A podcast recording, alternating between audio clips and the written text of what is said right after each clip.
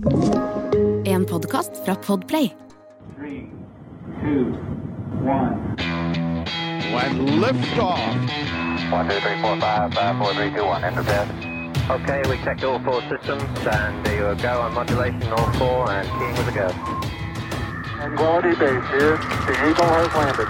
La meg bare si det at eh, vi sitter da altså i planetariet på Vitensenteret i Trondheim. Her er det veldig gøy. Det er litt sånn Jeg kjenner at hvis jeg sitter her lenge så, og ser på de tinga som beveger seg oppi her, for vi har en jorda som snurrer rundt på en stjernehimmel som vi skal få søppel og sånn etter hvert. uh, men uh, det er litt sånn nauseating-faktor på folk som ikke er så dritglad i sånn 3D-film. Uh, så jeg skal se på deg. Ja, da skal du gjøre det. Jeg, jeg stortrives her. Jeg elsker planetarier. og har gjort det siden jeg var lite barn. Og jeg syns det er veldig hyggelig å se et ordentlig planetarium. Eh, Jeg har jo da tidligere jobbet i planetariet i Oslo. Og sist jeg var der, så kan jeg si at det er jo ikke den samme standarden som her. Og jeg syns vi trenger mange flere planetarier i Norge. For det er en veldig fin måte å bli kjent med stjernehimmelen på. Det er det jo. Vi trenger, vi trenger flere planeter i Norge. Ja. Nå har vi sagt nok nå har vi, ja, Ja, bare nå, men nå, sånn. ja, det, så det var det pene som er sagt om det stedet vi er, og det er helt strålende. Vi elsker Vitensenteret, vi elsker planetarier. Og tusen takk for invitasjonen. Og tusen takk for invitasjonen. Og Vitensenteret, det skal vi Ja, ta med. Vi liker å gjøre sånne høflighetsting. Ja, og, uh, og nå får vi endelig oppfylt et ønske, for at det har vært veldig mye spørsmål fra dere opp gjennom åra om liksom skal dere gjøre noe live? Eh, Vi startet jo, Vår aller første episode var en livesending, altså opptakssending, med publikum i salen. Så var det planer om å starte noe og, og komme i gang med dette den 26. mars Nei, ja, 26. mars, ja. Ja, 26. mars 2020. Og så skjedde det ting. Ja. Så, så, ja. så nå er vi i gang. Ja, det er, det er veldig gøy. Eh, før vi eh, kommer på en måte til eh, Det faktiske innholdet. det som vi, innholdet. det hender vi kommer til innholdet etter hvert. det hender. Men vi skal til først noe annet innhold. Eh, først til noe helt annet. Eh, vi må følge opp bitte lite grann fra forrige episode, for det var Det litt sånn dårlig timing med det opptaket. Da hadde de så vidt begynt å sette opp teltstenger og skru på lysa borte på Boca Chica. Ja. Uh, så vi må ta litt om uh, den såkalte fulle statiske fire-testen på, på, Altså, jeg får litt sånn full, se- full self-driving-vibber av den. Ja. Altså, det, er, det var ingen tvil om at det var en test av motorene, men den var fem sekunder lang og ikke 180 for å være full, og det var 50% motorstyrke. Så N1, den sovjetiske kjemperaketten som ikke tok sovjeterne til månen, er fremdeles den raketten som har hatt størst løftekraft ved avfyring. Eh, Vi regner jo med at de passerer det når de avfyrer den for alvor, pluss at det datt ut et par motorer. Men det var en test. Og Elon Musk- bare Ja. understreke, når de datt ut, så betyr ikke det at de ramla av raketten. Ja, Eh, det de vet vi ikke noe om, men antagelig ikke. Nei da. de antar at de ikke ramla av raketten, de bare eh, virka ikke. Ja, Den ene konka ut før, den ble skrudd av før, og den andre konka ut i løpet av de første fem sekundene. Og det er da, altså, er, det Kall meg rar og konservativ, men da tenker jeg at det var jo en grunn til at Werner von Braun Rar er du, men konservativ er jeg jo helt litt usikker på. egentlig rakettspørsmål er jeg strengt ja. konservativ, Ja. og en sterk tilhenger av Werner von Braun. I rakettspørsmål, vel å merke, Ja. ikke politikk. Og, og der, altså, Da de testet Saturn 5, så lot de jo faktisk de fem F1-motorene brenne i, fem samfulle, i, i tre samfulle minutter, altså full static fire. Eh, det gjorde ikke SpaceX med sin rakett, av gode grunner, fordi at de har ikke testanlegget. De har en sånn plattform som det ser nærmest ut som noe du kan plassere telys på, bare skalert opp. ikke sant? Altså, det finnes en sånn Du kan kjøpe sånne små greier på Ikea hvor du plasserer en tekanne, og så setter du telys under, holder teen varm. Det er det de har laget. Og så har de en betongplating under. Mens hvis du da ser hva f.eks. SLS-raketten ble testet med, det gamle anlegget til NASA, så er det en helt annen kvalitet. Det er et pengespørsmål, jeg skjønner det, men jeg er litt bekymra. Så jeg, det, det var veldig gøy å se. Spektakulært. Men eh, jeg er litt bekymra når Elon sier at ja, men det var nok raketter til å komme seg opp i rommet, og vi skal til Mars om fem år, og jeg bare mm, mm. Men i en verden hvor vi Konservativ. Måte, jo, men hør nå.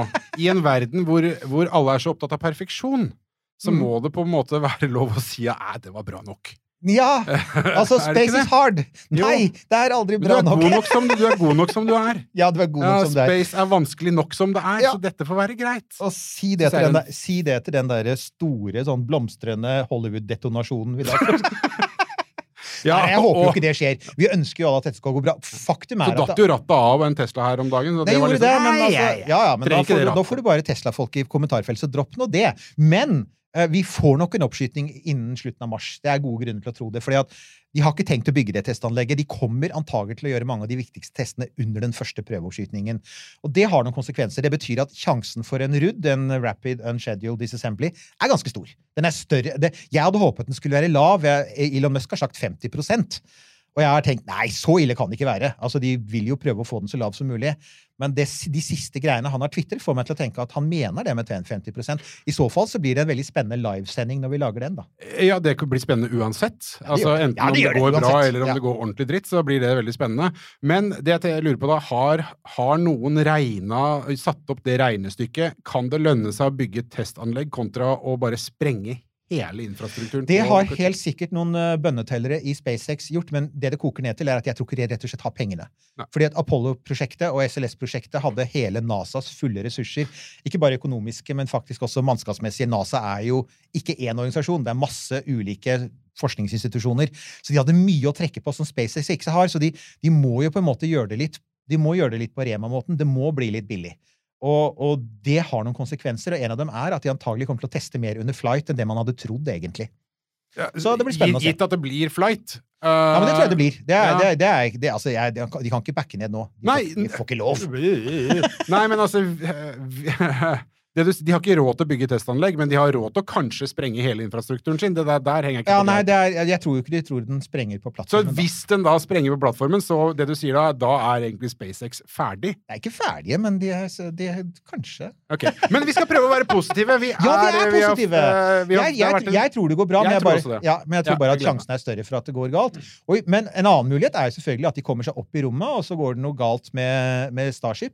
Og så plutselig har vi et problem som heter romsøppel. Nils Johan, Ja, skal vi det- kanskje komme er- til poenget snart? Det, det var det som var den fine segwayen inn til det. da, For at mange, vil, mange vil jo også påstå at uh, hvis Eller nei, unnskyld. Når uh, Musk får denne enorme Tintin-raketten sin opp, så vil han kunne spy ut en hel masse uh, satellitter ja. til, til Starlink-prosjektet sitt. Og mange vil påstå at det er romsøppel. I hvert fall in the making. Potensielt. Potensielt. Men Og det kan jo dagens gjest kanskje si noe mer om. det er segwayen over til uh, Space Trash Girl. Jeg liker at du liksom får deg altså. Det er så veldig bra. bra. Uh, Ranveig, hei. Det er det Velkommen. Instagram-navnet. Velkommen tilbake. Takk for det. takk Du, for det. siden du Det begynner å bli en god stund siden du uh, var eh, på besøk eh, Var det via noe link og noe covid-kjør og Ja! greier? Det Det var det. i den perioden. Så, Mm. så har det jo skjedd eh, en ting, for du har blitt bestemt deg for å bli ekspert på søppel. Mm. Eh, Stemmer. Og uh, um, Hvorfor det? Nei, det er jo kanskje et av de viktigste problemene som kommer til å dukke opp i rombransjen. Det er jo det. Så det er jo et utrolig viktig tema å, å tenke litt mer på. Ja, vil noen mene. Eh, ikke alle har hørt om det engang. Uh, for altså du, da, da du var på så sist, så var du leder for Propulse, var det sånn? Ja, det var Space NTNU, da. Ja. Propulse var tidligere. Ja, okay. det har- Ja, det er, det er altså for de av dere som her For det flertallet av dere som ikke er medlem av Space NTNU, heller ikke vi, skjønner helt Nei. organisasjonsstrukturen. Men det er veldig fine folk, altså. Veldig seriøst. Det er bare at vi skjønner ikke helt alle organisasjonene. Men, Men- hva, men hva var det som gjorde altså, altså, Av alle de tinga du kunne ha uh, gjort, altså, så er det liksom søppel du skal drive og, og forske på? Ja, det er jo litt flaks og litt uh, Ja, tilfeldigheter ja. inne i bildet. Jeg hadde jo eh, Da jeg gikk i andre klasse, så var det en professor på NTNU som er tidligere astronaut, eh, Kevin Ford fra NASA. Han har flere tips til oss om, ja. Ja, Så han var da professor på NTNU da jeg gikk i andre klasse. Og da hørte jeg at han veiledet en, student, en masterstudent på romsøppel. Og da tenkte jeg liksom fire år frem i tid tenkte jeg, det høres ut som noe spennende å skrive master om. Og etter, eh, etter det året så flytta han tilbake til USA. Men jeg, da jeg skulle velge master selv, så tenkte jeg høre om jeg kanskje kunne skrive om det samme.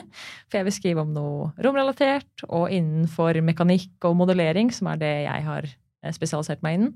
Og tenkte at det var match made, rett og slett.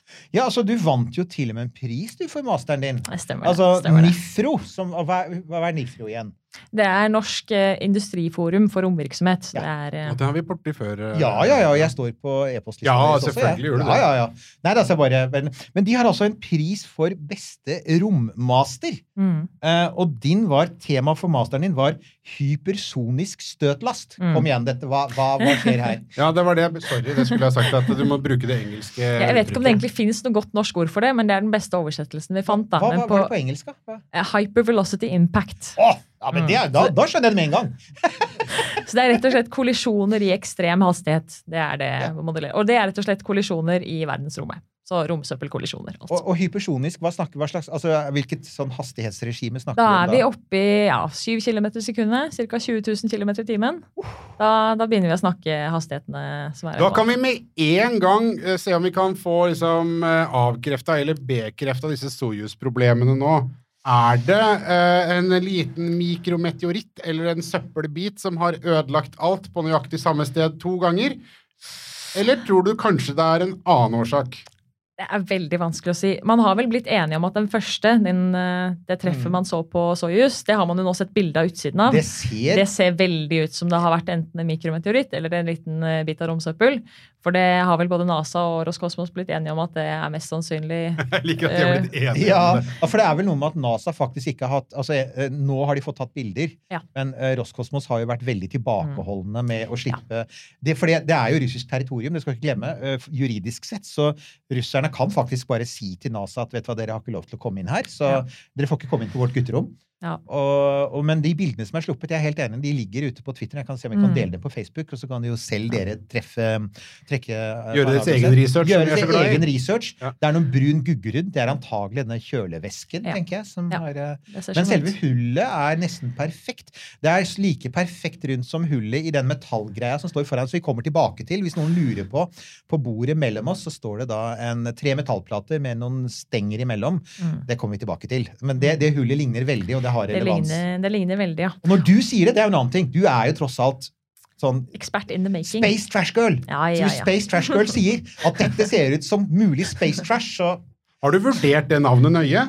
Ja. Ja, ok. Ja, ja, det er bare Mm. Jeg bare lurte. Ja. Men så har vi jo da Dette er jo da Soyuz MS-22. Men så har vi da lasteskipet Progress MS-21. Som altså, som du sier, har, ser ut til å ha noenlunde samme skade. I hvert fall så Mm. har det en lekkasje. Ja. Og det er klart, da du, du, altså, du kan jo Du, du vet du kan masse matte. Så den statistiske sannsynligheten for at to russiske romskip med noen ukers mellomrom får veldig likelydende skader av meteoritter i rommet Altså, den Ja. Er det lov å si at det ikke virker veldig troverdig? Det er jo usannsynlig, men statistikken er jo Altså, Ja, statistikk er statistikk. Det er helt sant. Det kan jo skje. med. Det kan jo skje, men det skjer også i landet som har hatt en haug med andre hull på romstasjonen, og hvor det drikkes litt for mye vodka i industrien, ikke sant? For å være helt ærlig. og da sist det var et hull i en Soyuz, så prøvde de å legge skylda på en kvinnelig amerikansk astronaut. Det var en riktig stygg sak, faktisk. De prøvde å si at hun hadde fått psyki psykisk nervesammenbrudd.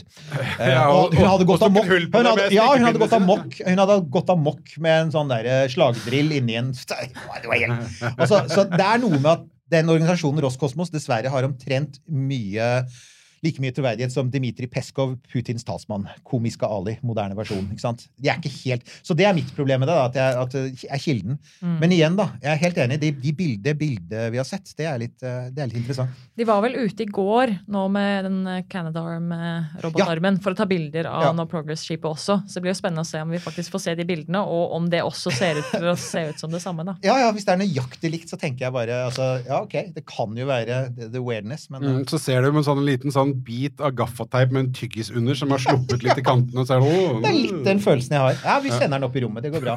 Men det er jo altså det, Ja, Elon har sagt at det går greit. Ja, det går greit. Ja. Vi er litt der for tiden. Er vi det i rombransjen? Jeg tenkte, jeg trodde vi var ferdig med Det Det har blitt så vanlig, vet du. Og Ja, alle ja, får ja. Nei, altså, skjønner, ja, ja, ja, det går Hull i bra. kapselen blir litt varmt. Det går bra. Det går fint. Ja, men, det. eh, men, det, men det var jo en ting vi glemte å nevne her. altså Siden, siden du har, uh, var gjest hos oss sist, da, Mm. uh, så har du også du har jobbet for Ariane. har du ikke? Ariane Space? Ja, så det var, rett, det var over, rett før omtrent. Så hadde jeg Jeg tok pause fra studiene og jobbet seks måneder i Nederland hos Ariana Group. Mm. Veldig gøy. Ja, for at jeg- De lager jo raketter, det må jeg jo huske, det vet Ja, jo de fleste her, men allikevel, de lager raketter, så du, var inn, du fikk lov å komme litt på innsiden da av Ja, så jeg jobbet med i datterselskapet som lager alle påtenningssystemene til Ariane 5, Ariane 6, alle, hele serien. Fyrstikker, altså. Veldig, veldig avanserte fyrstikker, kan Ja. du kalle det. Og da minner jeg gjennom at eh, russerne bruker Mm. en veldig stor trefyrstikk til Soyuz. Ja, Det ja. så, så igjen, dette er hullet som tilfeldigvis oppstår. Det er der igjen, altså. Jeg, er sorry. sånn. Mener ikke å være negativ, men jo. eh, og, så, og så var det en ting til vi bare må nevne, og det er jo vi vil jo veldig, altså Du har jo, ble jo veldig inspirert av en annen ting, og det var eh, European Space Camp på Ja. Andøya. Fortell litt om det, for det tror jeg ikke alle vet om. Nei, jeg, jeg vil jo legge mye av skylden på at jeg jobber i romfart på Spacecamp. Eh, eller æren. Skylden eller æren, det kan man eh, velge. Eh, det var jo på videregående. da jeg var i andre klasse og tok fysikk 1, så ble jeg tipset av fysikklæreren eh, som jeg hadde da, som sendte en mail på It's Learning eller hva det var, på fysikklassen og sa dere burde søke på denne sommerleiren på Andøya i Nord-Norge. Der kan dere skyte opp raketter og lære om romfart og alt som er gøy. Så jeg søkte. Eh, Akershus, som det da het, hadde to plasser, og jeg fikk en av de plassene. Veldig heldig, og fikk da reise opp til Andøya. Jeg hadde jo nesten ikke hørt om Andøya før. Eh, så der skylder jeg litt på at På noen, geografilæreren din. ja, at noen ikke hadde fortalt meg om Andøya før Og Ja, dessuten, jeg jeg har også vokst eh, opp i. Akershus, vi vet lite om den delen av landet. Det er helt riktig. det er helt riktig. Så jeg fikk i hvert fall tilbrakt en uke der midt på sommeren under midnattssolen og rakettoppskytninger og fysikk og alt som er gøy. Så um, Ja, for at, Er det sånn at man skyter opp en rakett der? De har jo et eget sånn studentrakettprogram så- hvor du da får på en måte hele skallet, hele skroget, og så skal du lage du skal lage noen sensorer, lodde på sensorer, sjekke at sensorene passer, så måler du temperatur og trykk og akselerasjon, og så modellerer du banen og henter telemetri og sitter i kontrollrommet og snakker over intercomen og Helt nydelig. Herregud. Kan jeg Altså, bare få ja. si en ting som jeg syns er fascinerende? Og dette her, nå har jo liksom hele dagen føler jeg, liksom handla litt om dette her. Men eh, så eh, deilig hemmelig det der er. Altså, så, så utrolig Mm. få som vet om at det greiene der eksisterer. Altfor få. Ja, det er det. Det er jo et fantastisk tilbud, egentlig. Og det er jo det er vel ikke så mye av dette rundt om i Europa heller, er det det? det er altså, Den er ganske unik, den er det. Ja. Eh, og i hvert fall i og med at det er såpass, eh, dessverre, da, få plasser. Eh, I hvert fall Da jeg var der, så er det jo bare 25, 25 studenter i året som får muligheten til å dra dit. Det er bare én leir som gjennomføres en gang i året. Eh, så dessverre så er det jo en veldig sånn unik eh, erfaring fordi den er så eh, liten, da. Men heldigvis så har jo Andøya Space Education en hel drøss av, flere programmer nå, og de har jo utvidet den eh, porteføljen haugevis siden jeg var der i 2013. Så eh, ja, det er mye mer nå, heldigvis, og eh, flere Dette- muligheter. Men ja, dette er bare et tips i tilfelle noen av dere som er her i salen, eller noen som lytter. Altså det, det tilbud, For det fins jo Det er mye utdanningstilbud på Andøya som Absolutt. ikke alle er klar over, og som det er bare Mm. greit å, å minne om er der. ja, så for de som tenker nå åh, jeg er jo ikke på videregående lenger, jeg er jo på universitetet, jeg vil også på Andøya, så er det masse muligheter å dra på Andøya mens man er student. Så Eller så kan man dra til ESA, som du var på nå. det kan man også gjøre. Ja, men da må man være flink på skolen. I hvert fall ganske. Ja. Man må gjøre leksene sine da. Altså jeg bare tenker at altså, Det hadde vært perfekt for meg da, hvis jeg hadde vært, det hadde vært det sånn på min tid. Men altså, hadde det vært på min tid, så hadde jo min fysikklærer måttet sende den meldingen ikke med It's Learning, under med brevdue, så det, det var bare helt uaktuelt. Men eh, du er jo nå inne i et uh, ph.d.-løp, som det jo så fint heter. Mm. Og da er det altså fremdeles Du har da tatt temaet romsøppel fra masteren videre inn i ph.d. Mm. Så det er det du holder på med nå? Og hva er det, altså hva er det den Altså jeg antar at du må spesifisere det. altså du må, du må ikke sant? Så, hva, så hva er liksom temaet for hva er det du fokuserer på i ph.d.-en? Hovedsakelig så fokuserer jeg på numerisk modellering av kollisjoner.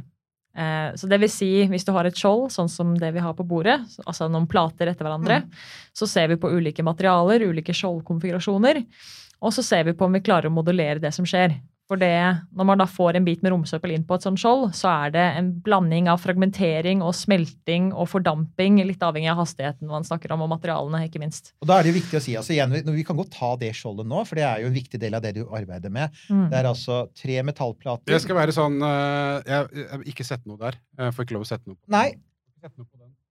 Ikke gjør det. Ja, du kan, Hvis du kan holde den opp. Ja. Det er tre Jeg kan holde den opp sånn at alle lytterne kan høre den. Alle lytterne hører. Som vi sa i min tid, eh, de beste bildene får du på radio. Ja. Eh, Så det er da en Er det aluminium? Ja, det er aluminium. Så det er en aluminiumsplate i front med et hull i midten. Mm. Og så bak der så er det en plate til som du ser at det er noen sånne Det kan jeg, jeg tror ikke det hullet er, var her opprinnelig. Nei, det... Det- ser helt klart ut som noe har truffet det. Ja. Og så bak på plata bak så er det også så, så ser du at det er noe sånn der eh, erosjon av noe slag. Noe sånn markering, er det ikke det? Altså det Krater. Det ser litt ut som månen. litt ut som månen. Litt sånn Hvis jeg skal bruke og beskrive det for noen med min antall studiepoeng, så er det en hylle. Ja, det er det!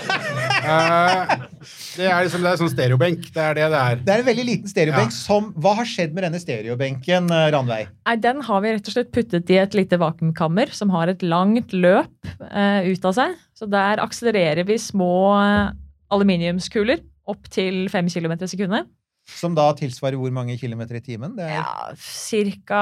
15-18 km 1000 km i timen. ja, det er sånn som ethvert et hobbyrom trenger Ja. den, ikke sant? Så det, det trenger man. Ja. Og da, ja, så det er jo da selvfølgelig i vakuum, sånn at vi har det rom... Ja, selvfølgelig. rom eh, ja. Ja, for jeg vil anta at hvis du skjøt det fra Hva slags, fragment, hva slags prosjektiler er det du skyter, forresten?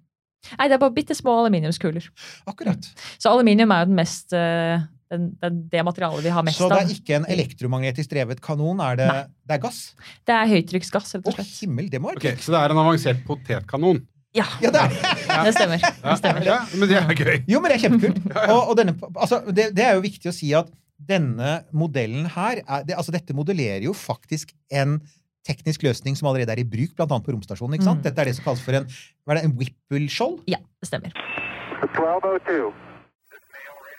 Så hele romstasjonen er jo egentlig dekket av i hvert fall 10 cm med skjold. Det her er jo den enkleste konfigurasjonen man kan ha, altså ett og et til lag av aluminium. Det er den enkleste casen. De aller fleste panelene på romstasjonen har også en haug av komposittpaneler mellom. Akkurat. For dette her, altså, Whipple-skjoldet er jo det er, det er ikke en ny oppfinnelse heller. Nei, det var det en luring på 40-tallet, faktisk 1940-tallet, som kom på at dette her kan vi bruke for å beskytte oss mot eh, meteoritter. Var det, nei, og, var det en nazist? Nei, Det vet jeg ikke. Fred Whipple tror jeg faktisk var brite. Han var på den riktige siden, Ja, okay. tror jeg. Ja, Vi har allerede rent, nevnt romnazisten her i rommet. Ja, ja, jo, det er- jo, så- men men, er men, ja, eh, men, men, men virkelig, det er jo, dette her er altså et konsept som fungerer, og vi veit jo altså eh, Romferja har jo blitt truffet, og romstasjonen er vel også blitt truffet. Så disse, disse, dette systemet vet vi for så vidt fungerer. Mm. Så, så hva er det din forskning sånn tar sikte på? Er det å forbedre skjoldet, eller å lage en ny type, eller hva er det du tenker, hva er det dere jobber mot nå? Det er jo egentlig å bruke numerisk modellering for å kunne lage bedre skjold. Ja. Eh, For det å gjøre tester i lab, det er dyrt. Og det er også begrensninger på hvor store masser vi kan akselerere. Vi kan bare ta små, små kuler. Eh, Og det er begrensning på hvor store, eller hvor store ting vi kan kollidere. Så vi kan f.eks. ikke kollidere to satellitter med hverandre. Det fins det ingen lab som kan gjøre. Er- Der har vi kun numeriske modeller. Russerne gjør det jo stadig. Ja, de er gode på det, så de, eh, det, det løser Og kineserne Ja. av og til, ja. Men, men, men, Kineserne gjør det mest på befolkningen på bakken. Ja, ja, de, eh, de dropper jo de har, altså, Ja. Hvis du vil simulere dropping av rakettrinn på små bondelandsbyer, spør Kina. at De har tallene. Men, eh, men det jeg tenkte jeg, du sa altså Hvis du glemte å si det derre krateret, eller Mm. altså, altså det hullet og det krateret som er, Det er ganske stort, det hullet. Hvor stor var partikkelen? Altså, husker du hva den veide? Ja, dette er bare 2,9 millimeter. Den, okay. Ja, det er, ja. Så det gjør stor skade. Og det her er jo heller ikke Så det her er jo 4 km i sekundet. Så det er jo også egentlig ganske litt under den gjennomsnittshastigheten vi finner. ja, det er jo det, ikke sant? Men eh, unnskyld meg, er det en stor skade? I, i, den, altså, i space-sammenheng, er det en stor skade, det bitte lille hullet? Nei, hvis det hadde vært romstasjonen, hadde det nok gått fint. Ja. Men igjen, jeg lurer på om ikke det hullet Nå er det litt vanskelig å bedømme ut fra Canadarm-bildene, men jeg lurer på om det hullet, og dere kan jo få lov å se på den etterpå, dere som er her, så får alle dere andre få se bildene vi legger ut på Facebook. Vi skal se om vi kan finne en banan eller noe sånt. Eller For scale. for scale. Ja. Ja. det står vel faktisk en boks med noe voksen drikke her som vi kan sammenligne med. Men uansett. Um, det er jo um, det, det ser ut til å være litt på samme dimmen faktisk som det som er i, i Soyuz. Mm. Det gjør jo det.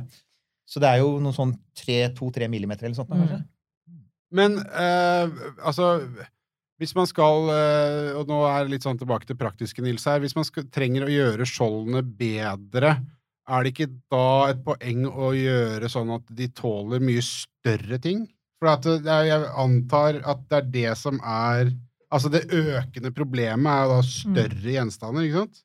Ja, også flere treff, da. Ja. At, én satellitt kan jo bli truffet av mange ting i løpet av et livsløp. Så er det også både hvordan kan vi lage lettere skjold, som tar mindre volum. Hvert, hvert gram koster jo penger når man sender opp ting, så man vil jo gjerne at det skal være så lett som mulig, Ja. og så lite som mulig, og effektivt. Så det er rett og slett en plass- og vektbesparelsesbit. Ja, for dette er jo ikke spesielt plassbesparende. Nei, det her er jo, romstasjonen er jo et veldig eget case i den eh, kategorien her. For der, den skal være oppe så lenge at her setter vi virkelig store skjold på plass. For her skal det ikke være noe rom for at det går galt. Ja, for det er jo eh, poeng som, som sier hvis det er en romkapsel som skal være opp noen dager. Men nå er det jo sånn at romkapsler har jo tendens til å bli hengende rundt ganske lenge på romstasjonen. da. De har jo Mm. det. De blir jo fort hengende en sånn seks-åtte måneder. Så det er jo, ja. Men eh, eh, altså vi må jo, en ting vi egentlig har glemt å si, er jo når vi snakker om romsøppel, er jo egentlig liksom hva er romsøppel? For det er veldig lett å tenke på Vi har jo i noen av våre sendinger snakket om det store romsøppelet som eh, kineserne finner ut at de skal dumpe på verden når de sender opp romstasjonen sin. Men det er jo på en måte ikke det store problemet, for det, jo, det, det faller jo faktisk ned igjen ganske raskt. Um, men det vi snakker om her, er jo ja, altså, hvor, Har man noe anslag nå på altså, hvor mye det er der ute? Jeg har sett noen sånne ganske vanvittig høye tall.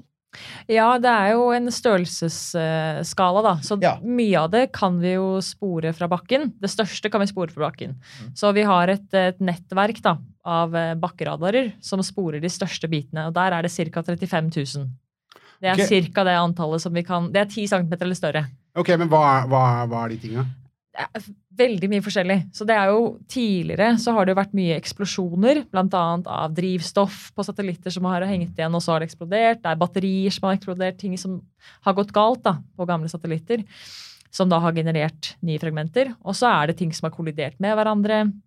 Det er som du sier, deler av rakettsteg, deler av andre steg, altså deler av eh, ja, rett og slett satellitter.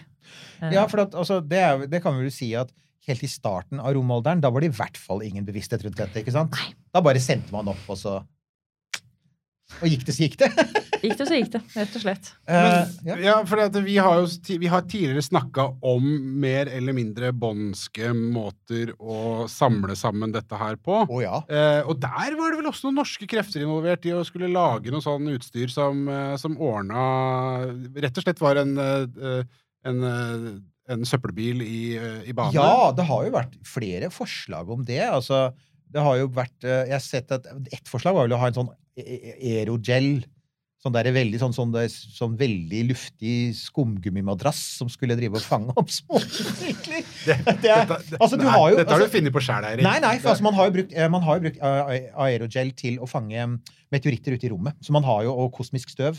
Så man har brukt det. Det er bare spørsmålet er om du kan gjøre det i stor nok skala. Om det vil, jeg, vet, jeg tviler på at det, det, altså jeg, det snakkes ikke så mye om det nå, men man har faktisk brukt det til å fange. fordi at de er så luftige, og så, altså det er så store sånne bobler i det at, at du, får litt, du får litt den Whipple-effekten.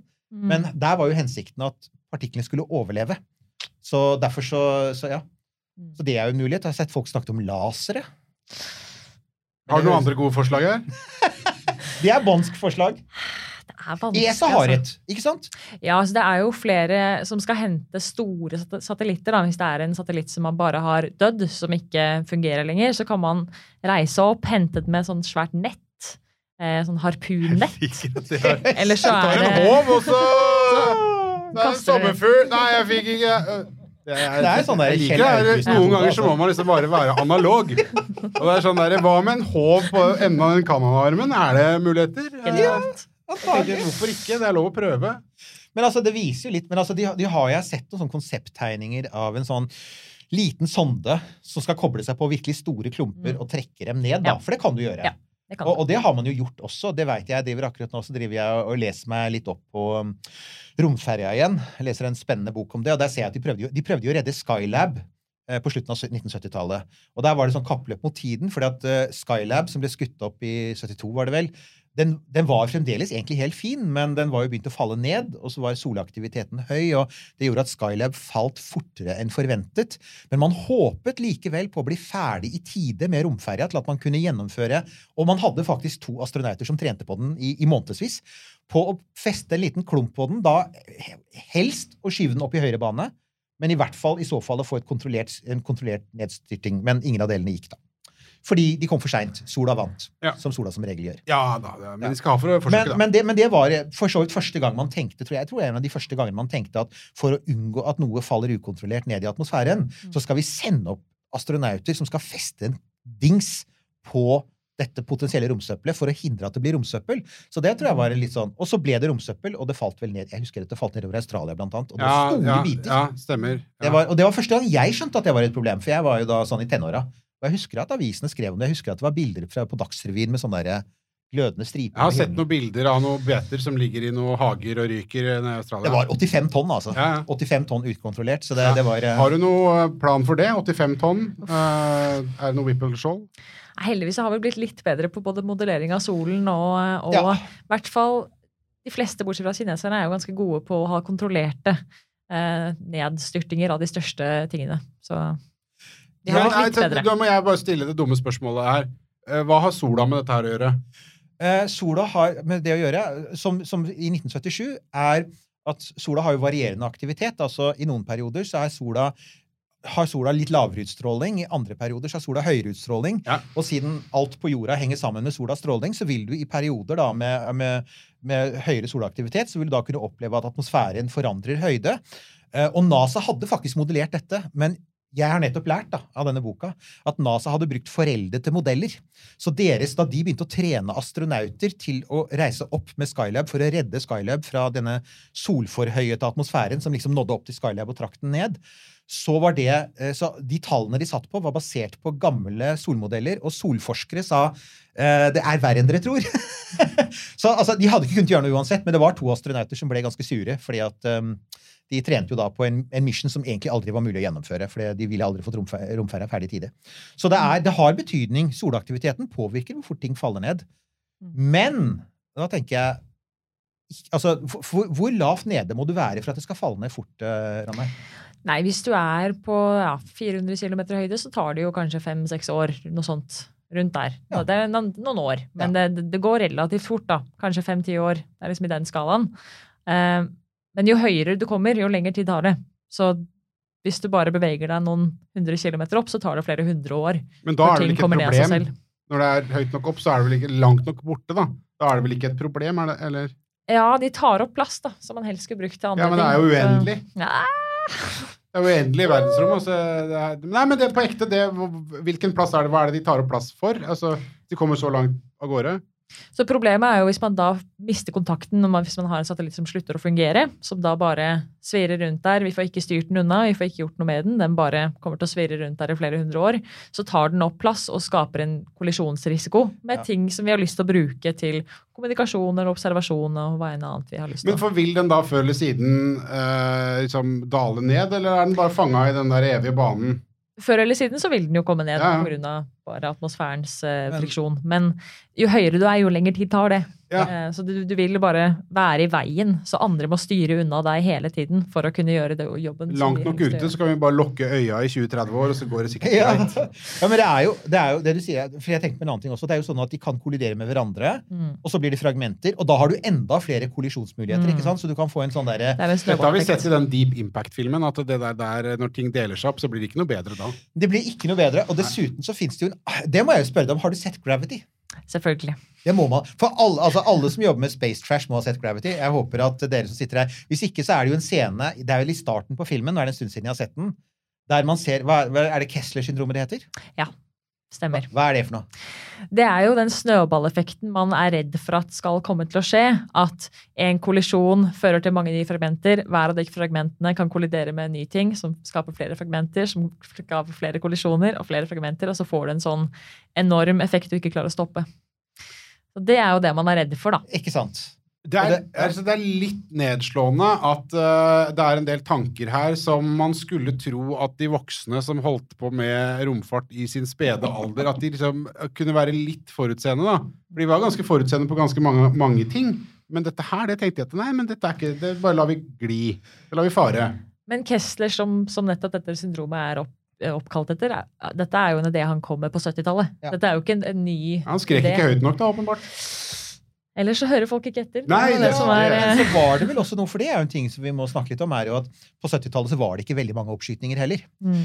Og når man skjøt opp ting, så var det relativt få og store ting man skjøt opp. Det var jo faktisk sånne ting som igjen Skylab, Salyut, en del Ja. sånne store, store amerikanske spionsatellitter med Men, men, Men- er det da sånn at vi siden, eh, siden 1980 har klart å oppkumulere oss eh, 35 000 sporbare søppelbiter? Ja. Og det er bare de Det største. Det er Ja, bare de største. ja, ja, sant, for for resten er jo egentlig litt sånn statistisk modellering, da. Ja, for det er sånn Fordi- lang hale, ikke sant? Ja, Og du, det altså, stemmer. du, 35 000 er sporbare, og så er det da antagelig millioner. som Ja, er- Så man sier vel at det er ca. en million som er da mellom 10 cm og 1 cm. Og det hullet der er altså fra 2 millimeter, var det det? Ja, Hvor tre- mange tre er det? millimeter, millimeter, ok. Så på den skalaen så har vi en million fragmenter rundt eh, Og så estimerer man jo da, dette er jo basert på hva vi vet fra lab, og hvordan er den størrelsesfordelingen. mm. Så estimerer man da at det er ca. 130 millioner som er mindre enn 1 millimeter. Eh, og 1 millimeter kan fremdeles Det kan det gjøre ganske stor skade hvis det treffer på riktig sted. Og det er nå. Det er nå, ja. Og det er kommer- uten Og dette eh, står, man i, dette står man i fare for å treffe anytime. Mm. Ja, det er Fordi de små, de har vi ingen Nei, nei. oversikt over. De har vi ingen anelse om hvor er. Ikke sant? Og det kan jeg si at, at det som, hvis det var sant at det var meteortreff eksempel på, uh, eller romsøppeltreff på Soyuz uh, MS-22, så hadde det ikke vært noen mulighet altså, For det, den er så liten at den sporer du ikke. Nei. Så den, den bare treffer. ikke sant? Det er ikke Ja. noe sånn nei, 'Å ja, nå ser vi den komme'. Så vi, for det er jo en ting til vi må snakke om, og det er at du har hatt stadig flere hendelser hvor du må flytte på ting. Mm. I fjor klaget kineserne, ironisk nok, over at de måtte flytte på romstasjonen sin, og de skyldte vel på SpaceX. SpaceX vet vi allerede har 3000, snart 4000 satellitter oppe, og de må stadig flytte på sine Mm. Må de ikke det? Altså de, ja. Absolutt. Så Mm. dette er et økende problem, at du også stadig vekk må bruke mer tid på å flytte på ting. Man bruker masse tid og ressurser, både på å evaluere hva er risikoen, er det verdt å bruke tid på det. Ofte så må man jo, hvis det er jordobservasjonssatellitter, så må man jo stoppe den observasjonen man gjør, for å flytte, og så bruke ja, verdifull tid da, på å heller flytte satellitten unna. Og da må vi jo snakke om den milliardærformede elefanten i rommet, som jo er ikke sant, Starlink. Sant? For det er jo, vi kan vel si at det, det er en potensielt stor romsøppelutfordring. Det Ja. kommer man ikke forbi. For Absolutt. nå er det straks 4000. Målet er 40, ikke sant? Mm. 40 000. Mm. Og det er 40 000 satellitter i lav jordbane, det. Det er det. Ja. Det Jo, men altså øh, men, Unnskyld meg igjen. Altså, det, og jeg vet at dette her har vi jo vært innom før, men Ja, ja. ha, har man ikke et krav på seg til å altså, ikke kaste søppel i naturen, på en måte? Altså Pappa, hvorfor kaster du snus i grefta? Nei, jeg skal slutte med det. Altså uh, Har ikke de et krav på seg om å ta bort det som ikke virker, og som har noe der å gjøre lenger? Del, det kommer an på hva du mener med krav. For det kommer an på er det en konsekvens hvis man ikke gjør det, eller er det ikke en konsekvens. Ja, ok. For det er jo- Her er det noen som har lært seg et byråkratspråk, og da er jeg sikker på at svaret på det er nei, det har ingen konsekvens. Ja, Så det, stort sett så har man jo eh, sånne enigheter i rombransjen om Ja, en dette- sterk dette- oppfordring. Ja, en sterk Ja. oppfordring. Mhm. Dette har vi satt oss ned og blitt enige om. Mhm. Og så det offisielle kravet man skal forholde seg til nå, er vel at innen 25 år så skal man flytte satellitter ut av banen. Altså etter livsløpet er ferdig, så skal du flytte deg unna innen 25 år. Det er ganske lenge. Det er en ganske lav list å skulle klare å komme seg over. Og nå har det jo kommet et forslag om å endre det til fem år, som høres litt mer fornuftig ut. Eh, men det er ganske ambisiøst, og det høres kanskje ikke så veldig ambisiøst ut. Men den 25-årsgrensen som er nå, er det bare ca. halvparten som faktisk oppnår.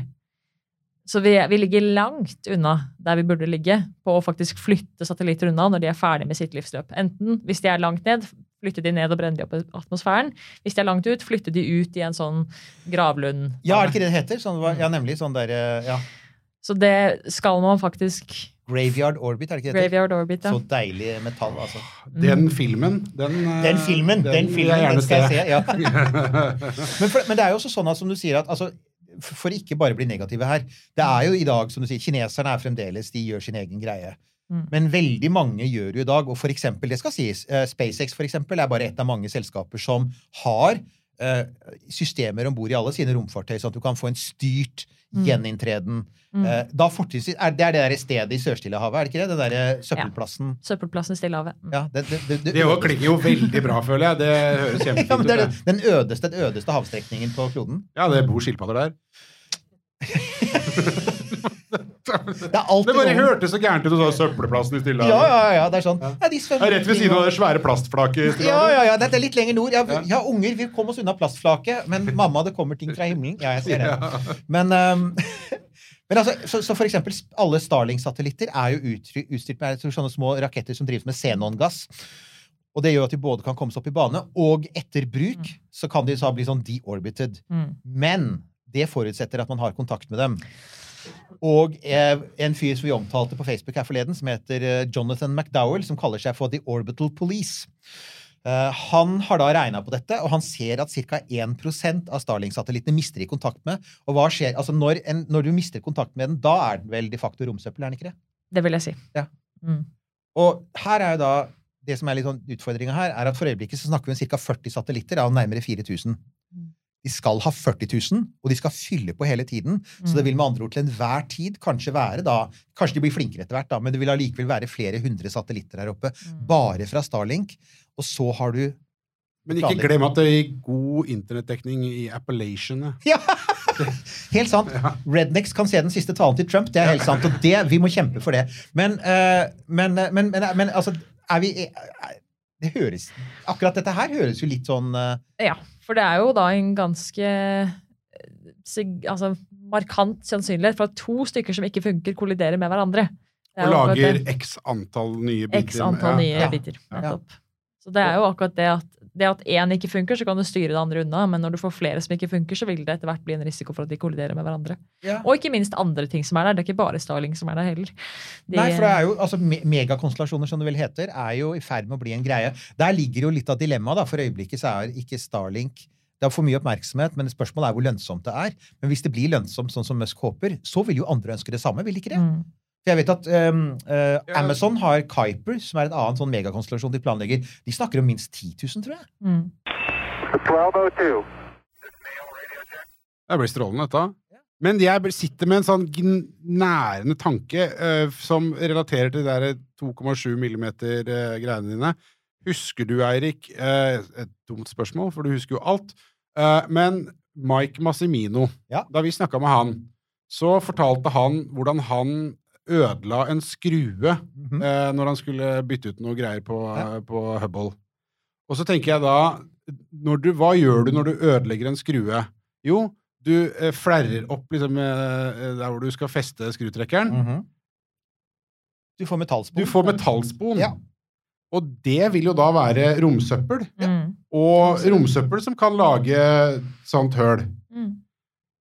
Og hva med den derre bæsjen? Som, Ja, ja, ja. Altså, det er jo, altså, hvis den er jo stivfrossen nå, da, hvis den treffer noe, den er, eh, det er jo, da snakker vi jo total nedsmelt. For ikke å snakke om det som vel tidligere amerikanske astronauter kalte for The Constellation Uranus. Altså det, Ja. Alle det fantastiske Jo, jo, men stjernebildet. Alle, altså, de, ja. alle de tinga. Ja, men det er helt sant. Alt blir det. Og, og hvis de er ute og det, altså, det kan være pakker med sandwicher og alt mulig rart. Altså, vi, vi har, de har jo mistet verktøy. Det Ja, vet det vi jo. var det ikke en som mista noe her om dagen? jo sånn, sånn skru. det er sånn, der, eh, en sånn, en sånn spesialskrutrekker Ja. til fire millioner dollar som plutselig bare glir akkurat ut av rekkevidde. Ja. Og, så, og så er den plutselig så er den blitt et potensielt uh, dødelig våpen. Men altså, det er jo altså, Det jeg tenker, da, er at det finnes jo en sånn visjon der ute, og den har vi snakket litt om også. Det er den derre Vi skal ta rom i bruk, ikke sant? Ikke bare ta hele landet i bruk, vi skal ta hele rommet i bruk. Og vi skal industrialisere rommet, og vi skal ha svære ting der oppe. Vi skal ha sol, Husker du solcellefarmer? Ja, ja. Eh, farmasøytiske fabrikker. Vi skal produsere ting i vektløshet. Men det, altså, det kan jo ikke altså, Enten så må det ligge innmari langt ute, som er upraktisk. Eller må de flytte på seg hele tiden. Må de ikke det, Rang? Eh, Ja, det er jo akkurat det de må. Så det er jo Ja. Det er jo rett og slett det som kommer til å skje. Du har litt å pusle med, da. Det er litt å pusle med, og det er jo Problemet med å nå bruke de banene som virker helt tomme, er at da fyller du jo de veldig fort opp. da. Og Man ser jo nå den planen om å putte flere av de megakonstellasjonene på ca. 1000 km og litt høyere, mellom 1000 og 1500. Mm. Der er det nå ganske tomt, men hvis de konstellasjonene går som planlagt, så blir det nesten et sånn skjold rundt jorden som det blir veldig vanskelig å komme seg Ja, ikke seg sant? For jeg tenkte også at Hvis du da skulle sette opp For noe av tanken bak Starship da, det er jo at den skal kunne løfte store ting opp i rommet. Opp til 150 tonn. Og de har jo snakket om det SpaceX også, at vi vil ha sånn fiks ferdige fabrikker oppe i rommet. Og det høres ut som en innmari god idé. Jeg tror vi kan gjøre mye spennende i vektløshet. Men, men det er spørsmålet er, hvor, hvor skal de sende dem hen? Altså, ja, ikke sant? Og da kommer vi tilbake til det med regulering, da. Er det i det hele tatt mulig å få kontroll på dette her? det er, det er vanskelig Det er jo stort sett alt det man er enige om av lover i rommet, er jo basert på konsensus. At alle blir enige. Ja, Du sa noe om FN der, om at FNs Ja. er veldig sånn, men det er mye Ja. med FN, da. Ja, FN er jo Da skal alle være enige. Og da er det veldig lave krav man setter for at alle skal være enige. Fordi alle har en økonomisk interesse av et fortrinn, og alle ønsker å kunne ja, ikke være så veldig opptatt av risiko og ta litt sjanser. Så det Ja, er og så er jo veldig fint å bli enige om noe, så lenge det ikke har noen konsekvenser. Hvis noen plutselig, plutselig ombestemmer seg og viser seg ikke være så enige allikevel, er da er det ikke så farlig. Man var jo også ganske enige om å ikke gjøre disse antisatellittestene lenger. Ja. Og det er jo, det er jo ikke det høres ut som en stadig bedre idé. Det, det er ikke mer enn et år og noen måneder siden Russland gjorde det likevel. Selv om man var enig om at det skulle man ikke gjøre. Selv om de hadde inngått en avtale og sagt at Det er vi enige om at de Nå er det ganske mye vi sånn generelt sett har vært relativt enige om ganske lenge som russerne har gjort i det siste, så liksom, jeg vet ikke om akkurat det der er det mest alvorlige. Eh, de har blitt ganske uenige om mye. Men igjen eh, så lager de enda mer trøbbel og for seg sjøl òg. Det hadde vært ironisk hvis det var en bit fra deres egen Men det har jo faktisk vært, har det jo vært spørsmål om, om ikke f.eks. romstasjonen blant annet har liksom sånn ja, måttet flytte på seg på grunn av det. Og det er jo, på et eller annet tidspunkt så skjer jo det også. For at jeg har sett noe sånn derre plott over hvordan For én ting er jo at du lager en sky med partikler, men så sprer de seg utover òg, ikke sant? Veldig.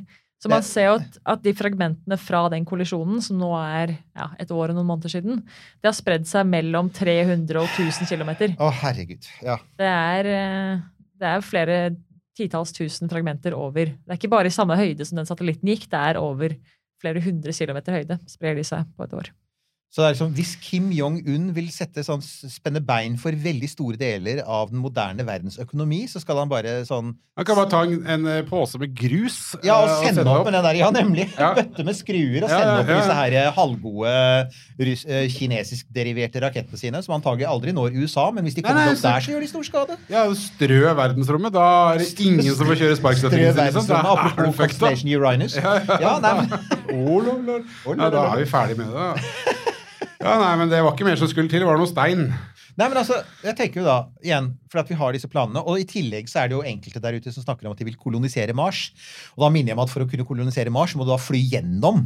Eh, du må fly forbi både 450 km og 1000 km. Og hvis du da har svære skyer med ting der, så har du allerede, hvis det er tett nok, så kan du faktisk skape problemer for det også. Så det ligger jo egentlig i de aller flestes interesse å, å få en eller annen form for regulering. Mm. Jeg så jo igjen, kineserne foreslo vel faktisk bokstavelig talt et banepoliti. Gjorde ikke det? Mm. Altså, for sånn som det er når du sier at romsøppel spores, er, ikke det, er det NORAD, det amerikanske det er, Ja. eh, North American Defense ja. Ja, Det er ikke uhjelpsfolka, det er Stemmer. Mm. For det er de som spor, det er, de som, det er det vi vet, da. Det er sikkert, eh, Jeg antar at russerne og kineserne også har noen radarer. I hvert fall kineserne. Jeg vet ikke hva russerne har lenger, men kineserne har noen radarer. Mm. Og de vet vel også. Men det er, det er de vi som sporer. Men det man trenger, er kanskje noe internasjonalt? Ja, og i hvert fall det at det har en konsekvens. Det er noen sanksjoner som faktisk har en effekt. At det ikke bare er noen strenge ord fra lederne av romfartsorganisasjonen romfartsorganisasjonene, og så går man videre. For det er jo det som har skjedd til nå, er jo at eh, det er en uke med litt mas, og så går man videre. Ja, for Der er vel noe av dilemmaet, da. At nå har man skutt opp sånne ting i så mange år, og det er så mange fragmenter. Eh, Det er vel veldig vanskelig, for eksempel hvis det var en meteoritt som traff Soyuz MS-22. Er det, det er vel helt umulig å finne ut hvor den kom fra.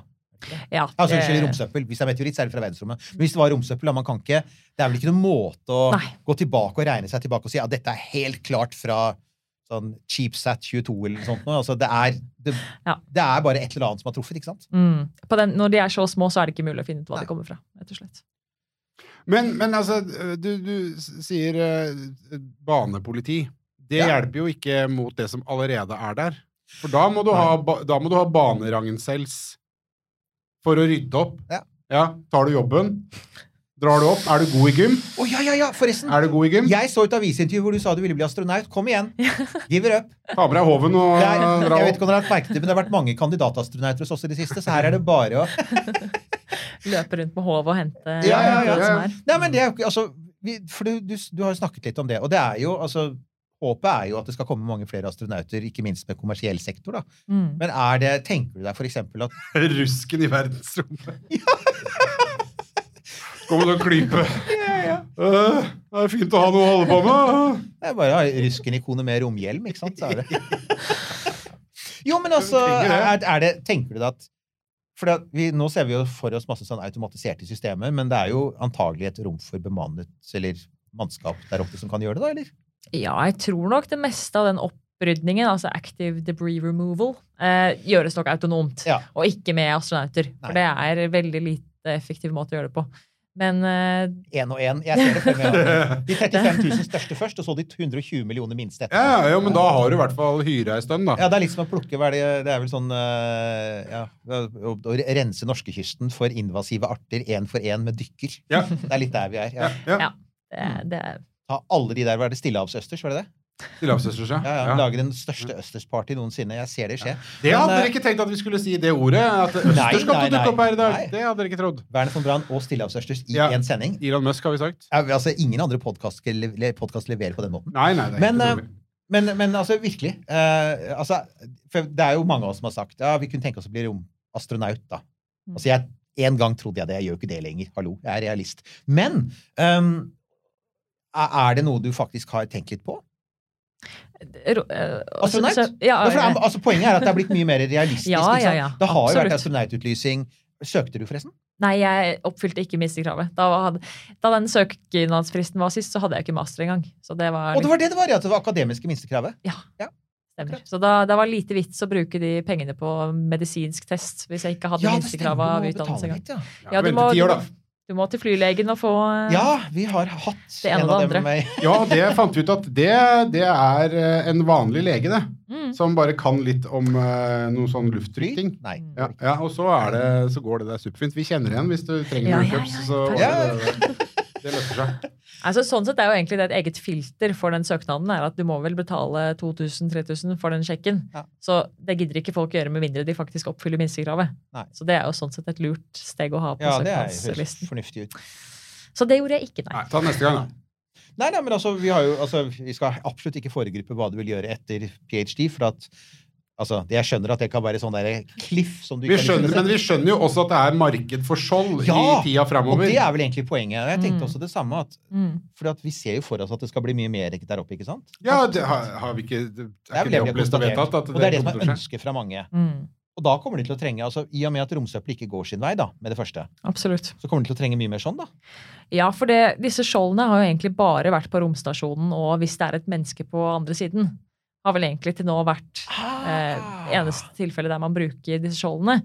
Men det blir jo mer og mer aktuelt for de store satellittprodusentene å faktisk bruke litt energi på å tenke er det noen måter vi kan legge inn litt skjold? Hva kan vi gjøre for å redusere skaden hvis vi blir truffet av noe? Ja, for det er vel ikke nødvendigvis sånn at hele Altså, det finnes deler av romskipet som du helt klart Eller satellitten som kanskje er Mm. mer sånn Ja.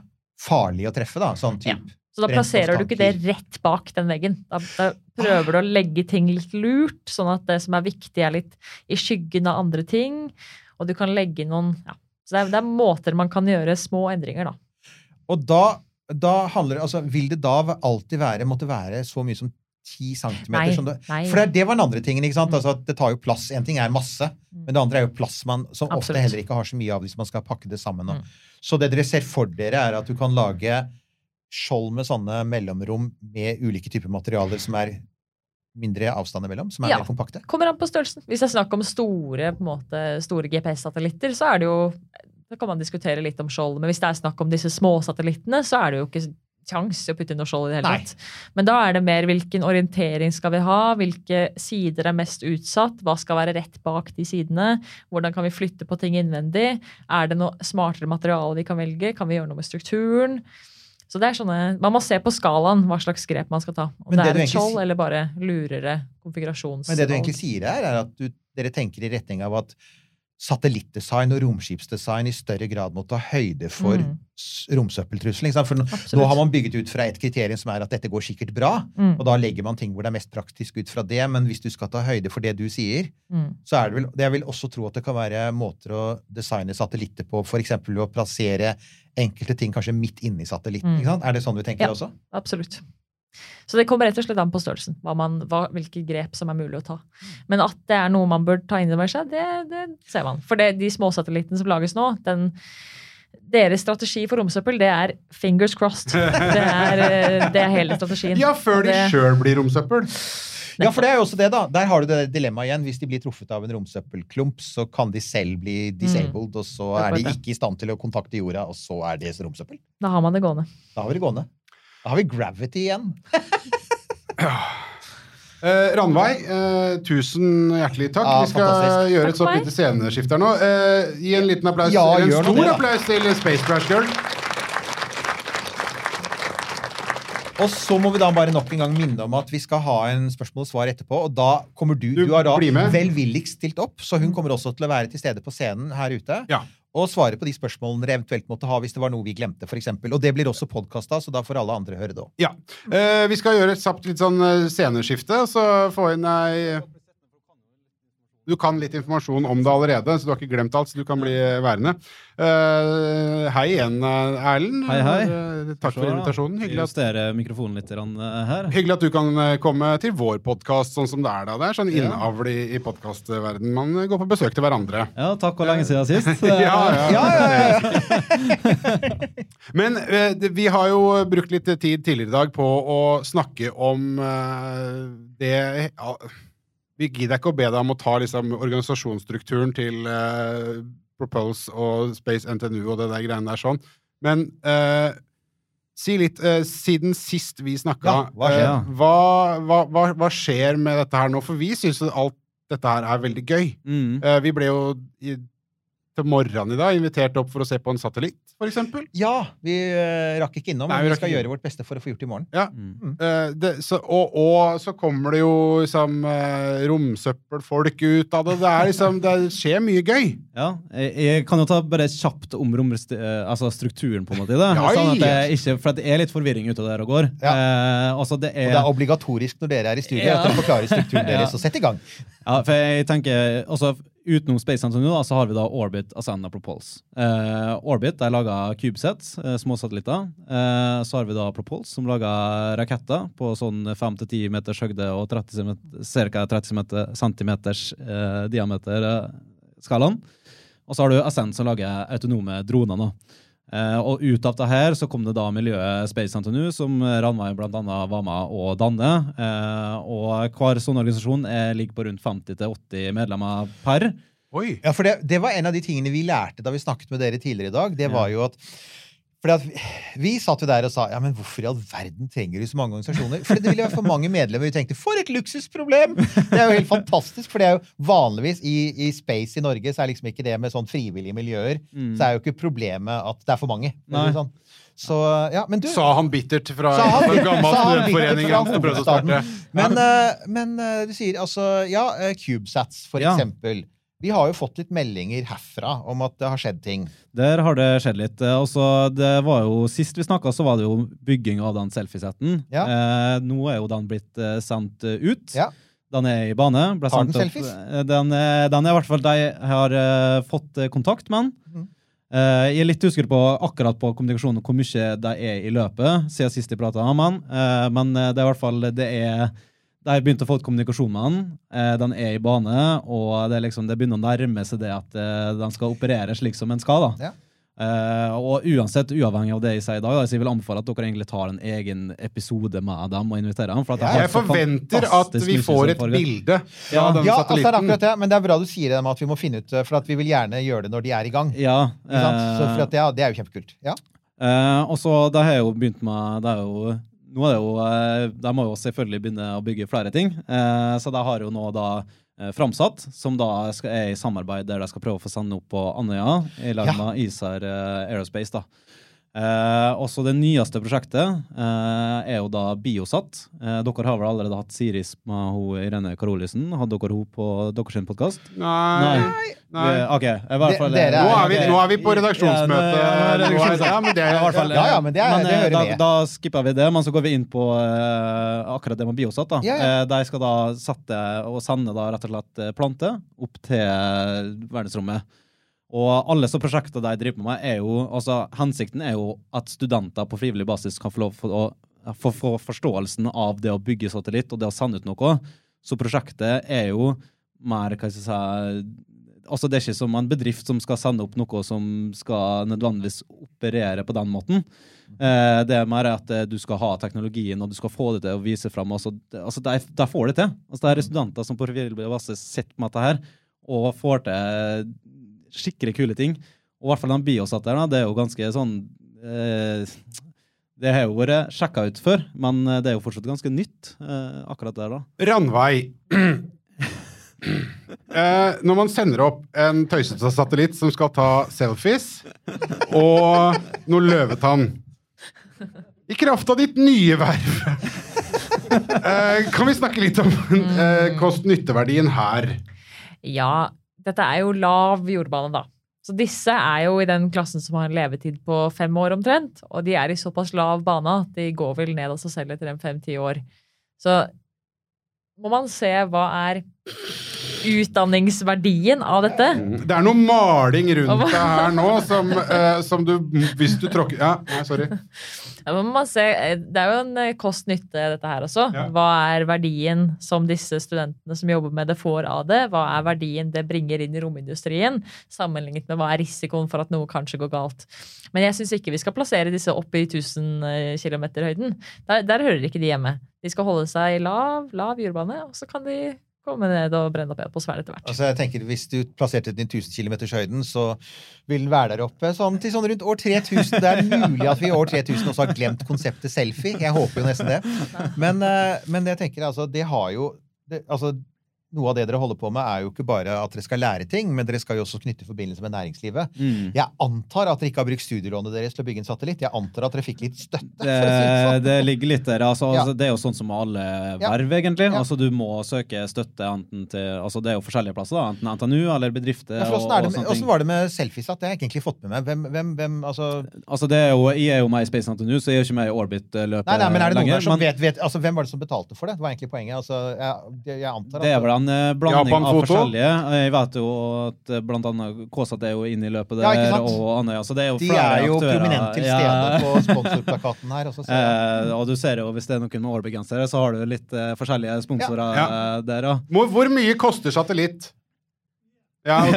Takk. det er mye. Det var greit. Ja, det er det jeg Ja, du hørte det først her. ja litt. Så, eh, og det er jo òg eh, for å støtte i form av å teste ting eh, hos da bedrifter som har f.eks. vakuumkamber og, og, og sånne type ting. Ja. Eh, så det er jo tett eh, kontakt med næringslivet, og òg det at da har du òg det eh, på en måte neste leddet. da. Altså Her har du framtidige arbeidstakere som får direkte kunnskap mens de er studenter, og da allerede har bygd og sendt opp en satellitt. Da er det en god CV der, altså. Ja, det er- Jo, men også er det en av de så litt sånn uh, omkved som har uh, gått gjennom dagen, som vi har snakka om her flere ganger. Det som jeg syns er så strålende med det, er akkurat som du sier, at det er noen som får til noe, som uh, f får det til, og har den entusiasmen, og viser at det faktisk er mulig. Mm. Uh, og at det der her å holde på med noe, noe innenfor space Mm. At det ikke er en sånn fjern drøm som bare er for Brad Pitt og Sandra Bullock.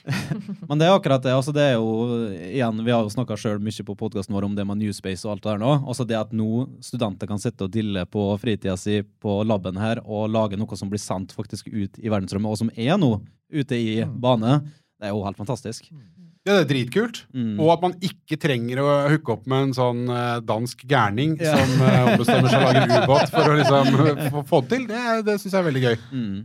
Og eh, igjen på den nytteverdien er jo egentlig den kunnskapen og erfaringa som du får, da, er, nok egentlig den rene nytteverdien. Eh, og så er det jo litt sånn kult da, med, og sammen med selfiesett, altså det er jo ikke forska så mye på det med kamera ute i, i bane, rett og slett. Eh, det er jo ikke så ofte det har vært så behov for så det, det må jo teste ut nye ting som eh, på enkelte områder ikke vært testa ut eh, så mye av. da.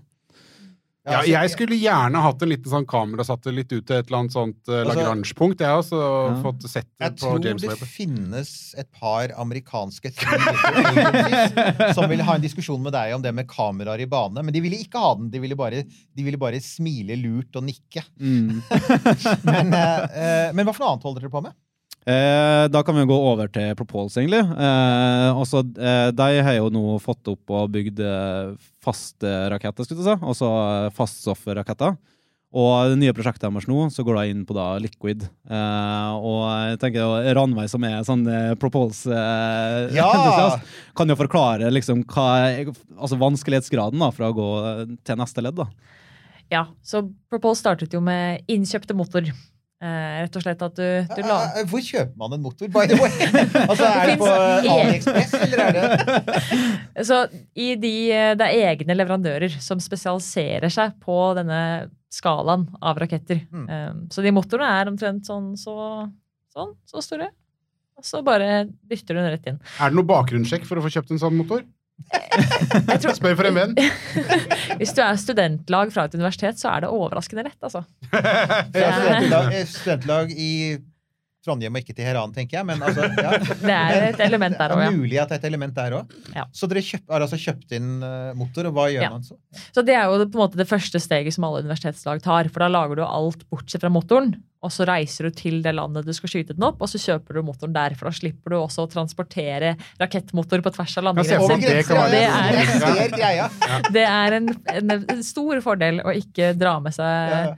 Egenblanda brennstoff over grensen. Det, det en Det, dårlig er, det lar seg gjøre, selvfølgelig, men Jeg eh, hørte noe om sånn powerbank i eh, dagens fly, eh, ja. tale på Norwegian. Jeg hørte ingenting om blanding av rakettbrennstoff. Nei, men det er greiene der, der, der er det antagelig lov. Det er bare å gjøre det. Nei, for det, det, det sa du at du godtok tidligere i prosessen, for det står noe om det når du sjekker Ja, det gjør inn. det, ja. At du ikke skal ta med Jeg vet ikke om det står spesifikt rakettmotorer, eh, men jeg Ja. Det står nei, noe om brannspart uh, stoff og Ja, diverse det er jeg kjent for brennbart. Ja. Nei, så da, ja. Ja, Mm. så det, det er rett og slett det, det vi gjorde da de ja, to, tre, ja, tre første rakettene som vi skjøt opp. Det var da det er relativt nonsjalant forhold til ja, hvor mange det var. Jeg er usikker. det, I hvert fall tre raketter har vi skutt opp med innkjøpt motor, da. Eh, som rett og slett er eh, Da har vi lagd alt annet, og så har vi faststoffmotor. Egentlig samme prinsipp som en nyttårsrakett. At du er bare en sånn brennstoff som du tenner på, og så brenner den til den er ferdig. Og Ja, det er relativt enkelt. Fordi at du sier den, Ja, det var den, men altså er det, det var flytende brensel i den Nei, så de Det er alle første er bare faststoff. Det, det, det, Ja, som er det- det høres ut som en god idé. Så det er rett og slett liksom alt det første steget som man skal begynne på, og så kan man bevege seg over eh, i mer avanserte. Og da er det altså flytende brennstoff som er da det som jobbes med nå. Mm. Det, ja, nemlig. Og der, da, da, da kommer vi biten. Hvordan, ja, altså for da må dere jo ha egne sikkerhetsforanstaltninger, ikke sant? For dette her er jo som du sier, ikke bare brennbart, men veldig eksplosivt. Og dere jobber med ting som kan fragmentere. Altså, Her er det bare å google Max Valier, den tyske rakettpioneren som i 1930 sto og mekket for seg selv på en rakettmotor med flytende brennstoff, og da gikk inn i romhistorien som en av dem som ikke burde ha gjort det. Så bare så- så- Uten armer og av- det, det var, Det var uten det meste. Uten det meste. Men, men nei, for at det, så, altså, hvordan, altså, hvor, hvor er det dere gjør det? I Altså- Trondheim, ja. Ja, Ja, men altså, er det, det er ikke tredje etasje Nei, på nei, nei. nei, nei. Det, er- det har fått sånn egen testsite nå som det er ute på en åker eller annen ute i vidda, som er trygt. Eh, Jeg tror jeg har kjørt noen sånn eh, Ja. under radaren på campus en gang, tror jeg. Uh, Men nå er det litt uh, mer skikkelig rundt det, da. Og så vidt jeg har forstått, så er det en eh, privatperson som syns det her er veldig kult, og som da leier ut da Et jorde. låner- ut av et jorde. Noe sånt, ja. Ikke noe sånn der kjellerstue, altså. Nei, det, jeg tror det er litt skummelt. anbefalt å hvis du- sånne ting i Den kjellerstua, Erik. ultimate mancave er egentlig da Tror du får NTNU ganske hardt på ryggen hvis du sprenger om et bygg som har eksistert i 100 år. vår, vår favoritt-rompioner, han satanisten. Ja, ja, Jack Parsons. Ja, Jack Parsons. Han, altså, de, gjorde- de, de, de greier jo å sause til hele, eh, et helt universitetsbygg med Oi. rakett. Ja, ja, Det er jo en sånn kjent episode. Så de flyttet jo opp der hvor JPL ligger nå, for å, for å tenne opp rakettene sine. Stemmer. Så hvem vet? Mm. Kanskje denne tomta her kan bli utgangspunktet for noe.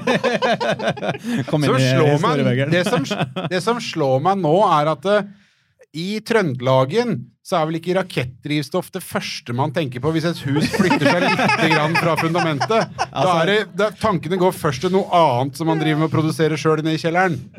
For det er jo snakk om at du, når du har flytende drivstoff, så kan jo etanol være et av de eh, drivstoffgreiene. da har har du- jo Hermeten som er er. Ja, Nemlig var det jeg tenkte å si. Altså at vi, for, å, vi, for å minne om Pennemynde Vi vender alltid tilbake til Pennemynde i denne podkasten. Der brukte de jo faktisk flytende oksygen og etanol. I den grad at tyske soldater drakk av lasset. Det? Så gjorde jo det. Det var en veldig sånn favorittposting. Ja, ja, sånn, sånn Åtte tonn med etanol, og det er krig. Hallo. Ja, det er Men, god, god tilgang på drivstoff her i fylket, da. Ja. Altså, jeg er helt sikker på at det finnes noen i regjeringen som kommer til å like denne lokalproduksjonen. Økologisk Kort, produsert. kortreist økologisk eh, drivstoff. Ta, ta landet i bruk, støtt den norske bonden. Men uh, Det er ikke mulig å oppdra en potet i ja, Potet og sukker er helt Ja, usolgt, men det er, det er til en god sak. Ja. Ja. Så, men, så, så dere er nå i en er, er dere nå i en prosess med, altså, med disse, som sier, disse flytende rakett... eh, Mm, mm. altså? Så målet er jo å få skutt opp dem fra Andøya. Det er jo rett og slett målet. Yes! Det, Og og, det har vært målet fra vi startet Propose, så har målet vært å skyte fra Andøya. Det at vi måtte reise til USA, var egentlig bare fordi det ikke var mulig for oss å skyte opp i Norge. Men målet har jo alltid vært å kunne skyte opp fra Andøya. Målet er å liksom da kjøre E6 med rakettbrennstoff. kjøre E6 den strakeste veien. Ja. Det, det er hele veien oppover. jeg Minivan på. Ja, ja, jeg, ser, jeg ser den der, altså. Sånn, eh, ja, det er, det er, jeg ser allerede VGs overskrift. Men, Bare å eh, bytte ut takboksen, det. Altså, eh, ja, men, men så kult. altså, Dere har faktisk dere, er, dere har en konkret motor, og dere har et prosjekt med Så dere, har dere begynt å liksom altså, holdt på å si, blande altså, Har dere begynt å planlegge Har, har den vært antent? Altså, hvordan er Det er, kommer veldig snart. Veldig snart. Oh, Så det, Kan dere legge ut litt film ja, eller noe sånt? da. det Så fort det har blitt antent, så kommer det masse fine flammevideoer. Så da, da Ja, ja, men det er veldig bra. Det er veldig bra. Ja, men ikke de fra, fra nødetatene. Nei, ikke de videoene. Det er nei, sånn nei. eh, kontrollerte former. Ja. Ja. Eksplosjonen er bra, bare at de kontrollerte former. Jeg klippa det i eh, Ja, ja. Men hvor, hvor stor altså denne raketten som dere har lyst til å skyte opp fra Andøya eh, det, jeg, altså, det, jeg skjønner jo at den, den skal ikke opp i jordbane. Det skjønner vi jo. Men gjør vi ikke det? Skal Ja, det? så det er jo, det er jo snakk om da tre-fire kilometer høyde. Ikke sant? En sånn skal- liten sonderakett. Ja, ikke sant? Eh, skal den gjøre noe, altså, bortsett fra at den ser veldig kul ut, skal den ta med seg noe Ja, Det er vel det man prøver å bli enig om nå, da. Hva man eh, faktisk skal sende opp. Det er jo prosjekt nok i seg selv, bare å få den raketten Det til å er det, fungere. Det er Så akkurat på de tidligere, hvor vi har kjøpt inn motoren, så har jo payloaden vært på en måte viktigere, fordi da er det et mål, hva man har med seg, hva man bruker den payload-plassen til. Men i hvert fall når det er en helt ny rakett med flytende brennstoff, så er jo det prosjektet ste- Step one, make it work, og så kan en ja. Så får vi se om noen har lyst til å putte noe payload på det etter hvert. Og Orbit og Propulse har jo samarbeida om å få til at prosjekt der payloaden er satellitten fra Orbit. Ja, ja. Mm, ja, det virker jo bare rett og rimelig. ja. Ja. Så det, nå husker jeg ikke helt hva som inngikk i den sjølve satellitten der, eh, men det har jo vært snakk om, og det var òg litt av dannelsen til Space News også, at her er det fullt av organisasjoner som holder på å ha litt sånn samme type folk, samme type teknologi, og har eh, stort grunnlag til å samarbeide, rett og slett. da.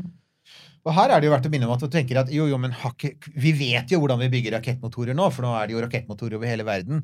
Men det er jo ikke helt sant, for det utvikles jo stadig nye. Vi, har jo, vi hadde jo Nammo på besøk. De jobber jo med sine nye rakettmotorer. Mm. akkurat nå så prøver de jo faktisk å få en helt ny type rakettmotor til å funke borti Boca Chica. ikke sant? Vi vet jo ikke, altså, så, så, det er jo det, så det er jo verdt å gjøre det, ikke sant? Og, Absolutt. Og igjen så er det jo denne verdien av å lære å gjøre det. Ja. At uansett om vi kan om noen andre i verden kan, kan når man gjør det, så betyr det ikke at det ikke er noe verdi å lære det for oss. Mm. Så det er såpass vanskelig å få en, en flytende brennstoffmotor til å funke at det, det, det er vanskelig nok i seg selv. Selv, om det, selv om det er mange som har gjort det før, så er det fortsatt en stor verdi å gjøre det. Da snakker vi om da bygge, det bygger motoren fra, Mm. fra bånn. Mm. Skal du da, uh, Har dere tenkt å bruke noe sånn der, hva er det heter for noe sånn uh, additiv, altså 3D-printing? Yes, det Stemmer det. Stemmer det. Ja, ja. Da er det antagelig ikke den plast-3D-printeren jeg kjøpte på nå- Olsson. Men uh, da, da, altså det er da altså, hva er det, hva slags, altså, dere printer da, I hva slags metall er dere printer i? Nei, du får se når det kommer design etter hvert. Eirik, sorry, nå hørtes det ut som en fyr som hadde nettopp lært seg at det er noe som heter 3D-printer. Ja, dere skal vel bruke sånn derre 3D-printer, da? Og lage noe, og så sparker du dekket. Sånn hørtes det ut akkurat nå. Ja, ja, ja. ja. Er ikke det litt sånn selvfølgelig at man, nå bruker man jo 3D-printer til alt? Man gjør det, men kan jeg bare si altså vi, kan, vi kan ta en liten håndsopprekning her. Hvor mange, altså Jeg mener jo at en 3D-printer er helt essensiell. I går så sto 3D-printeren og printa ut massevis av spesialkonstruerte sånne kroker til å henge over en sånn skillevegg jeg har på stua, f.eks. Utrolig praktisk. Og mye billigere enn Ikea, bortsett fra at du må ha en innmari høy startkostnad. Ja, men ja, bortsett fra det. ja, Og at den plasten er innmari dyr. Men bortsett fra det. Så, så bare, Og så er det så fort gjort, jo hvor, hvor mange i dette rommet har en 3D-printer i huset sitt? Å, dæven. Ja, Det var jo ikke sånn Det er ikke så verst! det. Jo, vet du, det, er, det der er bra. Der ser du. Så, så, så vi har altså en ja, det er, 10 i, i Det er 10%. Ja. Ja, Tenk på, sånn- tenk på hvor mange Ikke manipuler statistikken nå! Jeg bare tenker jeg, tenk, tenk, hvis, altså liksom, tenk hvis sånn eh, ja, sånn 550 000 nordmenn hadde hatt en 3D-printer. Det hadde vært fint. Det hadde vært et godt samfunn å leve i. Men så, Ja, så, det er skalaen. Nå, nå, nå driter vi i den der Big Mac-skalaen for å gage lønninger og sånn. Nå er det 3D-printerskalaen. Det er 3D-printer, Hvor mange, hvor mange 3D-printere har du råd til etter å ha jobba en måned? Det er, det er sånn vi scaler et, et vellykka samfunn nå. Men, altså, men dette her er faktisk nytt for meg, at dere skal, dere skal gjøre det. Så da, dere har da Så er, motor, er det lov å spørre om, om Er det så, så hemmelig at vi ikke vet om motoren er printa ut? Er den printa ut, eller er det Altså, nå er det i først, så Den første som skal eh, testfyres, da, det er jo en, en første versjon. Som egentlig da er bare stål som er sveist sammen. Så det er på en måte egentlig bare få konseptet til å funke. Det er, det er Max så- Valgerd-metoden for øvrig. Og det er faktisk Det er Tyskland 1930. Ja, det er jo Men, men det er bra. Det er godt å starte. For det er du må få konseptet til å funke, og så kan du begynne å optimalisere. Det, så På god avstand. du har ulike på en måte, versjoner av motoren. Mm. Så det er ikke noe vits å testfyre første testfyring på en veldig fin 3D-printet eh, er helt- rakettmotor. Jeg brukte Så- samme prinsipp på plastkrokene mine for øvrig. Det var minst fem Du må, du må, testfyre, du må testfyre på en billig testmodell først, og så kan du begynne å iterere og gjøre Ja, Redselscenene fra stua di, altså, når de første krokene bare ramla rett ned! Og det sa Du, den maskinen som har gått i åtte timer nå, Ja. hva er det den gjør for noe? du ikke lager noe lyd i det hele tatt. Nei, men altså men, øh, Dette her er jo, dette er jo Det superinteressant. er veldig gøy. Også fordi at da har du, når du først har liksom designet for en fungerende motor, Mm. så er jo noe av poenget med 3D-printer at da kan du faktisk lage en til og en til og en til. ikke sant? Så da er du i gang, da. Mm. Så har vi jo den eh, siste, altså Ascend. Eh, er det, det er jo den vanskeligste organisasjonen å på en måte relatere til space, altså autonome droner. jeg vil si det, fordi at droner går i luft, og vi, får, Ja. vi liker vakuum i denne Ja. podkasten. Men ok. Men eh, jeg kan jo trekke inn eh, våre argumenter. skal jeg Ja, ta da. ok. For det første er jo altså I utgangspunktet er jo det altså det Studentene er jo interessert i mange det tekniske, og da det, kan det være mange likheter der. Eh, og engasjementet er der. Eh, og så er det jo det at vi har jo Ingenuity og, eh, på Mars, og at det begynner Ja. å bli en liten Men det er, jo, det er jo en liten stretch der, på en måte, men det er mest teknologien og kunnskapsbasen som er likhetstrekk. Men du skal jo der, få en, en lissepasning her, da. Eh, droner og space er jo Ukraina. Sant?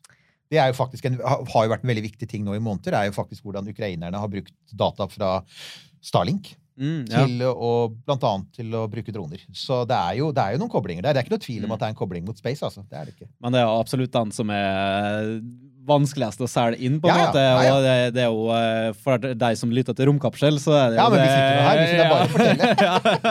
Ja, for altså, skjer det noe gøy der? Altså, har man, er man i gang Altså, med eh, det, det de driver med, de er jo med på sånne årlige konkurranser, eh, og der handler bare om De får en oppgave som ikke er løst ennå, og så er det å eh, Så er flere da som konkurrerer om å løse den. Så e- ene prosjektet de hadde, var jo da at det var en mast på en øh, øh, eh, Hva heter det? Oljeplattform. Mm. Og så da svaia den, ikke sant? Så om å gjøre at eh, den autonome dronen skal komme inn, koble den ut og bytte den ut uten at noen mennesker rører, rett og slett. Autonomi er jo greia her. Ja? Det er jo det som er interessant. For, og, for Poenget her er med Ascend er at det skal være autonomt. Yes, absolutt. Og der trekker jo absolutt inn til romfart. Det Ja, ja. Altså, hvis du skal ha kommunikasjon med Mars, så er det rett på autonomi og alt av biten der. Da. Så eh, det der er jo virkelig kobling. Og da får jeg bare minne gjennom altså Ingenuity, som folk i utgangspunktet var litt skeptiske til. Little chopper that could. Ja, det, er chopper, det er jo kult, da. Get to the chopper. Ja, ja, ja. Er og Eh, mer, mer skal det jo bli. Ja, mer skal det bli. De hadde, hva gjennomførte de? Ferd nummer 42? Var det Var så mange? Ja, det er helt ekstremt. Mm. Jo, Og, de har liksom, og de har jo nettopp oppgradert softwaren for å kunne fortsette å fly. Og det har jo, de har jo forandra hele sample return-konseptet sitt til å, til å nå bli dronebasert. Noe ESA ikke liker, for de hadde jo tenkt å bygge den kule roveren. Ja, for nå er- skal de hente det med. Nå skal de eh, hente det med. Ja, de skal hente det med. Og visstnok da faktisk bare med litt sånn forbedra versjoner av Ingenuity. Så droner er Så her, altså, Mm. sånn Det er en sånn ting som jeg tenkte. altså de må jo, når, de skal, når den dronen skal lande og hente rør på Mars Mm. for å frakte det til returraketten til jorda, så må det jo være et betydelig innslag av autonomi. For du, du, dette, du kan ikke fjernstyre med sånn 15 minutters forsinkelse. Nei, det er litt vanskelig. Så da skal du ha Og da, da tenker jeg det er sånn som autonomioppgave å løse, da. Mm. Så er jo det du har i et støvete metallrør på en ganske støvete planet, Mm. som ligger litt sånn tilfeldig. De har jo begynt å vise bilder av hvordan de dropper rørene på overflaten til Mars. Så nå har vi i hvert fall noen sånne sikre prøver. Mm. Og så skal en drone lande og må jo ta rundt den med en krok, da, eller med en sånn klo, antar jeg. Mm. Det blir som sånn derre Det klo... blir sikkert det. Ja, altså, jeg vet Sånn ikke. spill Det kan hvor jeg du faktisk står lese. og prøver å få opp en sånn bamse. Ja, et, nemlig. Jeg fikk jo nylig et sånn Lego-sett nå, med at det er eh, med, med Mars-settet. Har dere sett det? Med den lille drona og med sånn litt stor klo som kan da løfte opp, så blir det sikkert samme konseptet. The claw, the claw, ikke sant? Så den ligger der og bare venter på kloen, Men, men det er jo igjen, da. Det må jo da faktisk gjennom... Er, da de først sa det, tenkte jeg ja, det å gjøre en rover er greit, for der har du en stabil plattform, men her skal du enten så skal du hovre, du skal være over, og da driver den jo også og vifter opp, ikke sant? Og så skal den senkes ned, eller så skal den lande. Ja, dette blir spennende. Ja, er Men det er også sånn sånne ting som som virker sånn, gærent. Igjen sånn liten sånn gratisoppgave. Mm. Så Hvis Pro Pulse har tenkt å gjøre noe virkelig sånn space Nei, Ja, Ascend. Ascend! Ascend, Mm. sorry, sorry! sorry. Åh, Mm. det er så mye. Det er så Ja, det er det. Og så er jo vi i Space NTNU, da, som er mer sånn eh, markedsføring og formidling, og lage event og samle rett og slett eh, romnasjonen eh, Norge, da. Ja. Som er knutepunktet. Og da har vi selvfølgelig da Og i dag så har vi da samlet rompodkast-eliten i Norge. Det er, vi som Ja, driver, det- det er vi som driver rompodkast i Norge. Så det er sånn, Dere er, veld... dere er utrolig privilegerte. Jeg liker at du sier det sjøl. Ja, ja. Altså, hallo. Hvem Ja, andre sier det det? er fint. Så ja, det er nødvendig. Nei, men, så, så kult, da. Mm. Så ja. Ja, skal vi eh, tenke at vi Eller har du sittet og brent inne med noe her nå, Ranveig? Nei. Nei, det er fordi det bare hørtes litt sånn ut. Jo, jeg hadde en idé. Ja, du hadde en idé. Nei, i, apropos Ingenuity. Ja. Han som er lederpilot for Ingenuity, har jo doktorgrad i kybernetikk fra NTNU. Yes. Det må man jo bare si når man kan, når man har muligheten. Og det er jo Ja, da. og han har vært foreslått veldig mange ganger. Og vi har bare Så- ikke helt klart å, Så å- å orge det, men det skal vi fikse. Også fordi at um, det var veldig mye oppmerksomhet rundt han da de startet. Mm. Men det jeg er spent på nå, er akkurat de spørsmålene vi Ja. stilte her. Som er OK, nå veit vi at det funker, så det er ikke det vi diskuterer lenger. Det er alle de kule tingene NASA har lyst til å gjøre med det. Liksom, hva skjer nå? Ikke sant? What's next, liksom? What's next? Mm. Det er nemlig det, den kloa, hvordan plukker de det opp? Eh, og dette her med at de skal jo frakte røret Kanskje de skal jo frakte mange hundre meter. Kanskje opptil flere kilometer skal de faktisk fly over Mars overflate. med disse Støv, støvsugere som kommer ned og Ja, ja, ja, det er så kult! Så, så, så Ja, det- som sagt, så- det er jo ingenting med det der eh, sample return-prosjektet som er bananas. Så Ja, det det, er- kommer til å gå kjempebra. Ja, det blir så kult. Ja, vi er positive. Det kommer til å gå veldig bra. Ja, men det er jo derfor, Ja, ja. Vi, driver, det er jo derfor vi driver romfartspodkast. er jo fordi at det alltid skjer noe kult. Ja, ja, definitivt. Så, så ja. Skal vi eh, si at eh, det holder for, for nå? Eh, Tusen takk til våre gjester. Hjertelig tusen takk. Uh, Takk, takk. ja, og tusen takk til alle dere som kom og hørte på og, og orket å henge med. Vi har hørt at det blir litt dårlig luft etter hvert i denne, dette rommet hvis vi sitter over en time, og vi har sittet he -he. Surprise, surprise! Satt vi mer enn en time i denne podkasten? Er det så totalt sjokkerende? Og da blir det eh, skyt fra hofta, Q&A ute i eh, Jeg har lyst til å si ordet vestibylen, jeg, bare sånn for å datere oss litt. Ja, nei, er altså, du er møblert hjem. Ja, jeg er- møblert hjemme hjem med tomgardiner. Der ute eh, om en sånn halvtimes eh, tid. Eh, heng rundt så lenge, og til deg som eh, hører på, takk for takk for at du hørte på Romkapsel eh, igjen. Altså. Og så blir det sånn at neste gang, altså neste episode, da får du høre det vi skal gå og gjøre nå straks. Så hvis det da sitter noen her i salen som nå er- virkelig brenner inne med noe, eller har tenkt å virkelig si noe, så, så kommer dere da på i neste episode. Ja, og, og vi har ikke forberedt noen sånne tøysespørsmål, eh, så, så dette kan vare lenge, eller det kan Sånn. vare kjempekort. Ole fra Gjerdrum, altså vi Ja. vet Vi har ikke gjort det. Nei, nei. Vi har aldri gjort det. Nei, det har vi Nei, vi faktisk ikke. Nei, vi Det er er ekte, ganske vi. mange der ute som gjør det. Vi holder det ekte. Vi holder det ekte. Ja. Keep it real. Du sa det, ja. I went there! Takk for det.